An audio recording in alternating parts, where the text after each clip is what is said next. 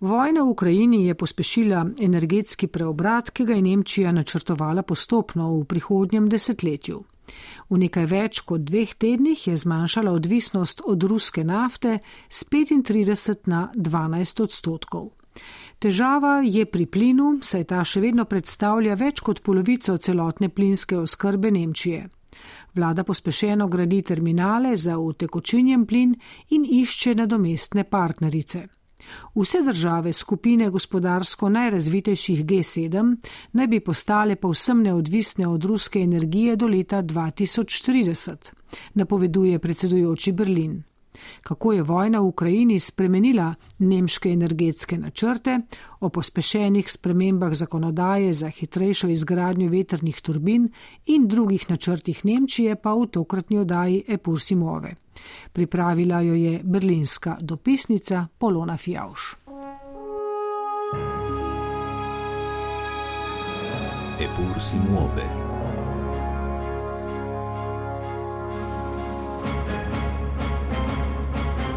Vendar se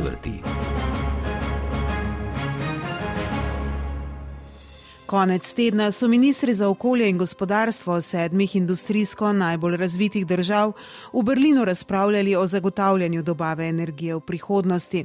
Nemčija z novo vlado in ministrom za gospodarstvo iz stranke zelenih Robertom Habekom želi postati vzor pri energetski neutralnosti in zeleni energiji v Evropi in svetu. Na vrhu G7 je Robert Habek odločno ponovil, da vojna v Ukrajini procese energetske transformacije Nemčije ne bo zaustavila ustavila. Nasprotno, pospešila ga bo in povabil ostalih šest držav, da so skupaj zgled pri predvsem čim hitrejšem zaprtju termoelektrarn do leta 2030.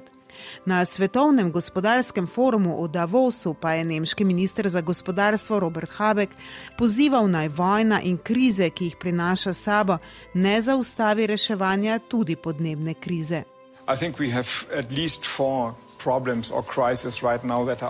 Menim, da se trenutno soočamo s štirimi krizami, ki so vse med seboj povezane.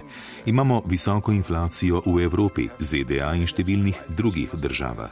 Imamo energetsko krizo, moramo jo tako imenovati. Imamo pomankanje hrane in imamo podnebno krizo. In teh težav ne moremo rešiti, če se osredotočimo na le eno od teh kriz. In če ne bomo rešili nobene, me resno skrbi, da bomo pristali v globalni recesiji, ki ne bo imela grozljivih posledic le za podnebje, ampak za globalno stabilnost. Nemčija je pred velikimi, največjimi spremembami v energetski politiki doslej. Alles kann besser werden. Hol mir uns den Himmel auf Erden. Alles soll besser werden. Hol mir uns den Himmel auf Erden. Cene energentov so z vojno v Ukrajini poskočile tudi v Nemčiji. Prvi odzivi so težili k vrčevanju, a hkrati k napovedim o pospešeni izgradnji veternih turbin in postavitvi sončnih celic na vse nove objekte, kar je na javni televiziji CDF pojasneval pred kratkim tudi Robert Habeck, ministr za gospodarstvo.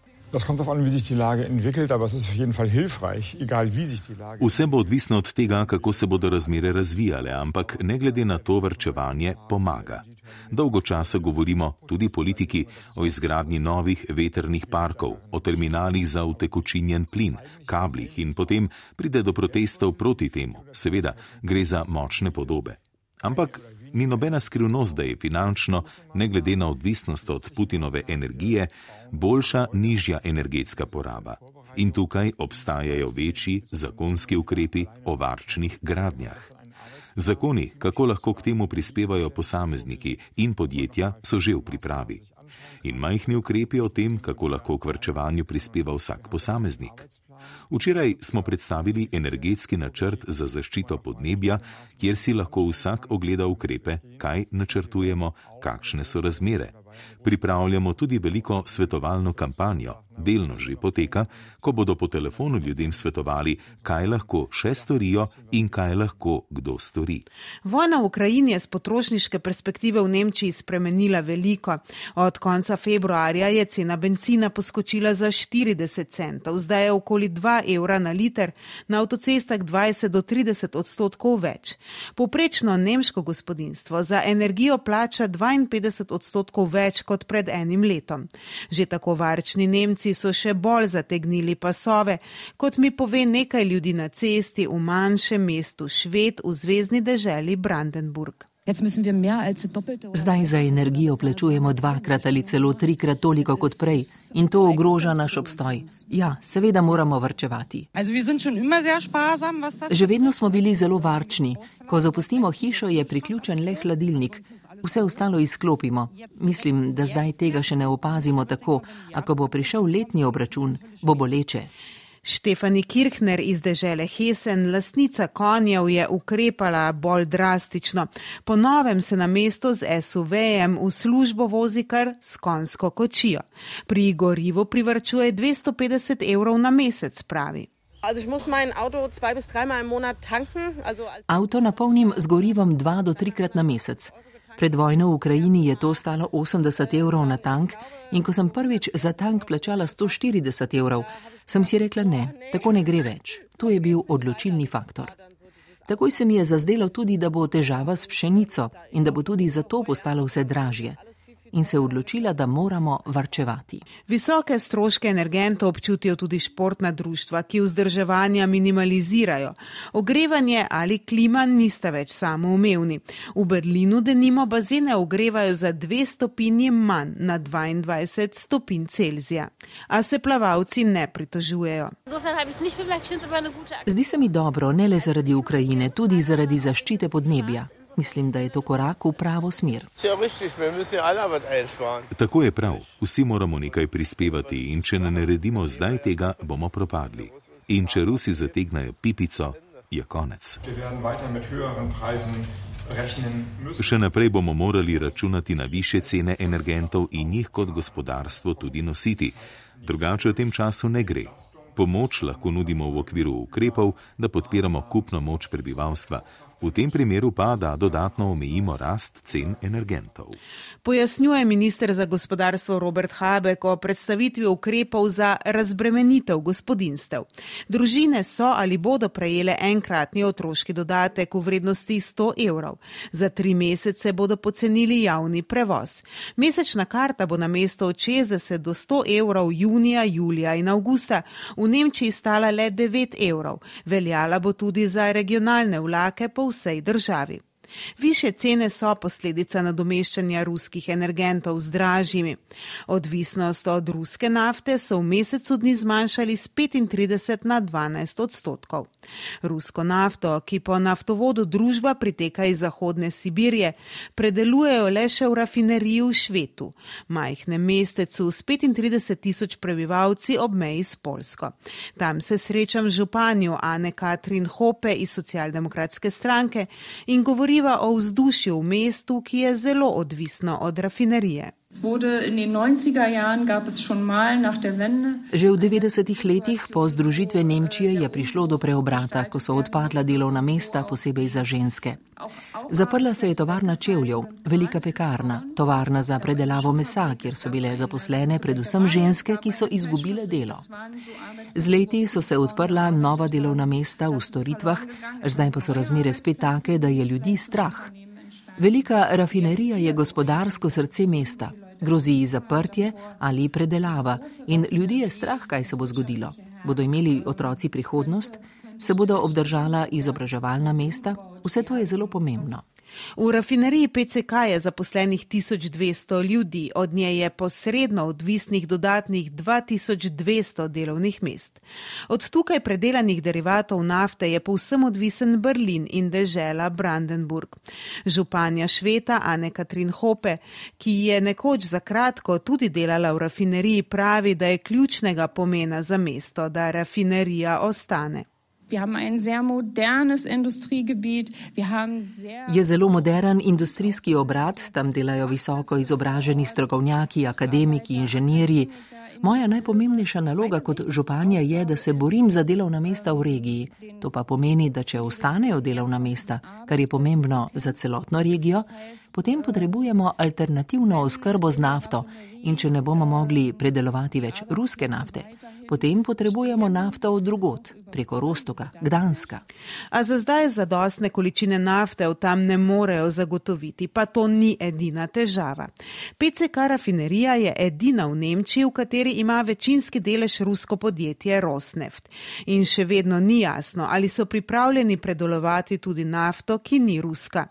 Pri vodstvu sem želela tudi sama preveriti, kakšne načrte imajo, a ne za nas, ne za druge medije, za zdaj izjav ne dajejo. Tudi županja ne ve, kaj načrtujejo. Nemška vlada si je medtem razvezala roke s premembo zakona o energetski varnosti, s katerim želi sicer predvsem ublažiti rasti cen.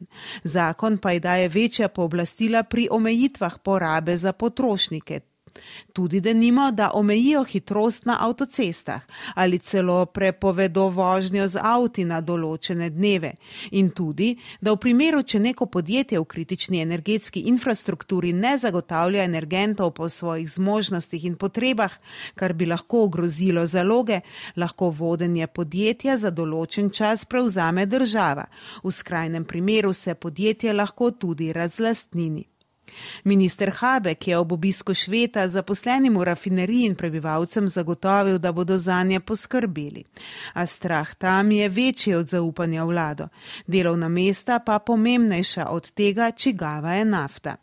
Rafinerija PCT ostaja v luči možnega embarga na rusko nafto še nerešeno energetsko vprašanje, a takih v Nemčiji ni več veliko.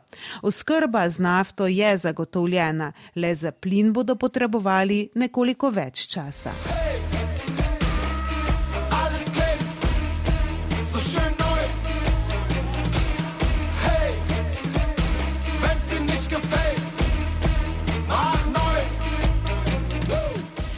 V tako imenovanem velikonočnem paketu, s katerim je vlada razbremenila gospodinstva, so zapisani vsi cilji in poti do tja, kar se tiče energetskega preobrata. Cilj kljub krizi ostaja: pridobiti 80 odstotkov električne energije iz obnovljivih virov do konca desetletja. Zato paket zajema spremembo petih zakonov in načrtuje 56 dodatnih amandmajev. Mudi se, a to leto je predvideno, kot je že na začetku mandata napovedal Habek, predvsem za prilagoditev in spremembe zakonodaje progresivnim okoljskim načrtom, ki jih vojna v Ukrajini ni zaustavila. Zaradi nje so potrebne le dodatne spremembe. Priča smo drugačnim formulacijam. Izgradnja in širitev kapacitet je v javnem interesu in je celo postalo vprašanje nacionalne varnosti, piše v šesto strani dolgem dokumentu, ki ga je predstavil nemški gospodarski minister Robert Habeck. Vojna, ubijanje in umiranje, brutalnost, ki smo ji priča v Ukrajini, nam je znova pokazala, da je energetska politika geopolitika, katere interesi, ja, varnostni interesi posredno in neposredno določajo politično odvisnost. Tako da lahko ta paket, imenovan velikonočni paket, razumemo tudi kot odgovor, kaj so varnostni interesi nemške politike. In to je, da postanemo neodvisni najprej od uvoza ruskih fosilnih goriv in potem od uvoza fosilnih goriv nasploh. Tako da gre verjetno za največji energetski paket v zadnjih dveh desetletjih. Do njega je kritična industrija, ker da ne predvideva dovolj zasebnih investicij. A naša sogovornica, strokovnjakinja za energetiko z Berlinskega gospodarskega inštituta DIV Klaudija Kemfert, ki sodeluje pri vseh energetskih izračunih v Nemčiji, razloži, da industrija riše črne scenarije in straši po nepotrebnem. Hkrati pa, da bi morali biti načrti vlade bolj ambiciozni in razloži, zakaj zakaj ne bodo. Ähm, Potrebujemo program, takojšen, dinamični program, ki bi omogočil, da lahko zelo hitro postavimo nove energetske naprave, da imamo skrajšane postopke pridobivanja dovoljen, da imamo površine gradno veternic, da ustrezno naslovimo zelo resne razmere in da smo pri tem hitrejši. Tako je pri energiji na veter, tudi sončni energiji. Vsi ukrepi iz velikonočnega paketa gredo v pravi smeri, kar se tiče zaščite okolja, varnosti, spremembe, da se ukine do sedaj veljavna pravila o oddaljenosti od stanovanskih objektov. Vse to gre v pravi smeri, ampak to ima napake kajti za vse so potrebna dovoljenja, kar pomeni, da bomo eno leto, verjetno celo prihodnje leto potrebovali za dovoljenja. To traja vse predolgo. Zdaj bi potrebovali hiter, začasni zakon o energetiki, kjer bi tako kot prej rekli, kako se financira veternice, da se da dovoljenja za nje začasno, tudi zato, ker so vojne razmere. In tukaj bi si želela več dinamike in več akcije, kar se tiče razvoja obnovljivih virov energije. Ambiciozni načrti energetskega preobrata v Nemčiji ostajajo, le da imajo v prehodnem umestnem času bistveno več dela. O pripravi plinovoda Severni tok 2 še pred nekaj meseci se je zdelo, da bo energetsko prehodno desetletje teklo predvsej bolj gladko. Termoelektrarne na premok in plin, ki naj bi jih zapirali, zdaj zaradi negotovosti ohranjajo v stanju pripravljenosti. Preostale jedrske elektrarne naj bi do konca leta skoraj zagotovo zaprli. Tako da cilji ostajajo visoki, le pot do tja se spreminja. Nemški gospodarski minister Robert Habeck v Davosu. Predvidevam, da vas je večina tukaj v Davos pripotovala z avtomobili, ki jih poganja nafta iz Saudske Arabije in to nikogar ne zanima. Smo pa zelo dobri pri selektivnem izpostavljanju problemov. Dobro bi bilo, če bi ponovno preučili sedanje strukture blagovne menjave. Odmakniti se moramo od fosilnih goriv, ne glede na trenutne razmere v svetu in grozljivostim, ki smo jim priča v Ukrajini. To pomeni, da se morajo države, ki nas trenutno zalagajo s temi gorivi, odločiti za druge oblike proizvodnje. To je tudi sporočilo, ki ga moramo poslati Svetovnega gospodarskega foruma. Nemčija v zadnjih letih res ni naredila veliko za lažji in blažji prehod na obnovljive vire energije. Delež energije iz obnovljivih virov je lani celo upadel. Po novem pa se povezujejo z Dansko, Nizozemsko in Belgijo, ki so v pridobivanju veterne energije kar nekaj let v prednosti, zato da bi odslej skupaj izkoriščali severnomorski veter in pod morjem skupaj vlekli kable in cevi do kopnega. Habek in nemška vlada želijo nadoknaditi vse zamujeno, hkrati pa vojno v Ukrajini izkoristiti kot dodaten pospešek. Potreba po energetskem preobratu je z vojno v Evropi, pa tudi s tolikšno odvisnostjo od fosilnih goriv iz drugih avtokratskih držav, postala le še bolj očitna in nujna. Alles kann besser werden.